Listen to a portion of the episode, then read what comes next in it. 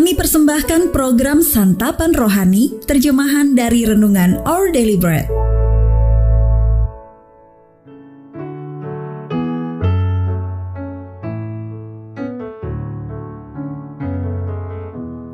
Sahabat ODB pembacaan Alkitab hari ini terambil dari Efesus pasal yang kedua, ayat yang ke-17 sampai dengan ayat yang ke-22.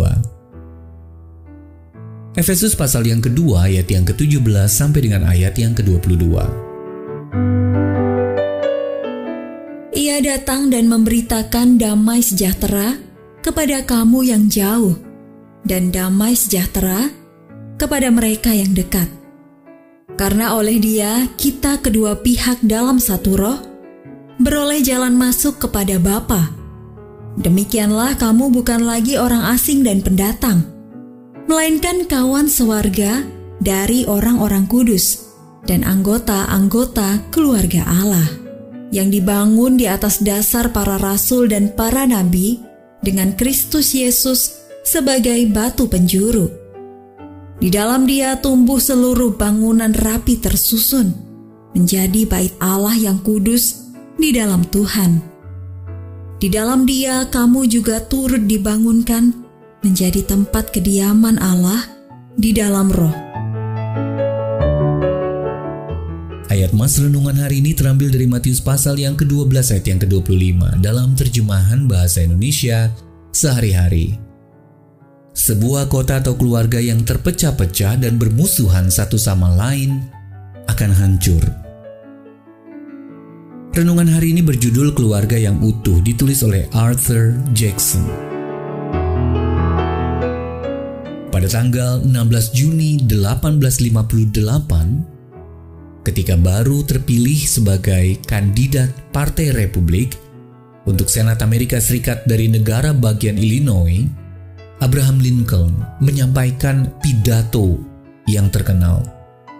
Keluarga yang terpecah-pecah, yang menyoroti ketegangan di antara berbagai pihak di Amerika terkait isu perbudakan. Pidato ini mengusik banyak orang, baik teman maupun lawan. Lincoln menganggap penting untuk memakai istilah keluarga yang terpecah-pecah yang diucapkan Yesus di Matius pasal yang ke-12 ayat yang ke-25 karena istilah tersebut sangat dikenal dan mengena. Lincoln menggunakan ungkapan ini agar pidatonya masuk ke benak setiap orang sehingga mereka menyadari betapa gentingnya hal ini. Bila keluarga yang terpecah-pecah tak dapat bertahan lama, maka sebaliknya, keluarga yang utuh akan sanggup bertahan dari kehancuran. Secara prinsip demikian seharusnya keluarga Allah. Efesus pasal yang kedua ayat 19. Walaupun terdiri atas orang-orang dari berbagai latar belakang, kita telah diperdamaikan dengan Allah dan sesama melalui kematian Yesus di atas kayu salib. Dengan mengingat kebenaran ini, Paulus memerintahkan orang percaya untuk berusahalah sungguh-sungguh untuk hidup dengan damai supaya kesatuan yang diciptakan oleh Roh Allah tetap terpelihara.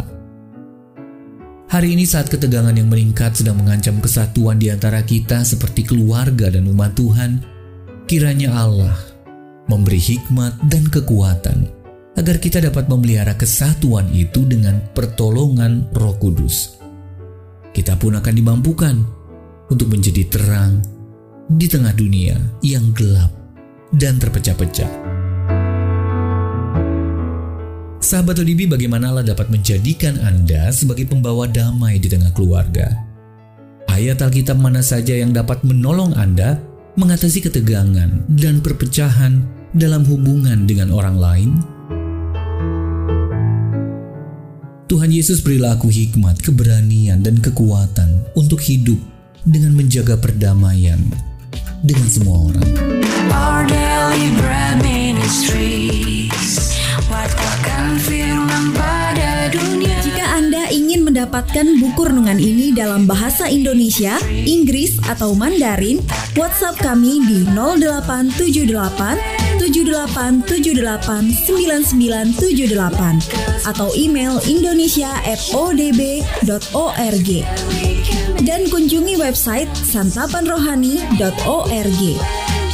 Persembahan kasih dari Anda memampukan All Deliberate Ministries menjangkau orang-orang agar diubahkan. Tuhan memberkati.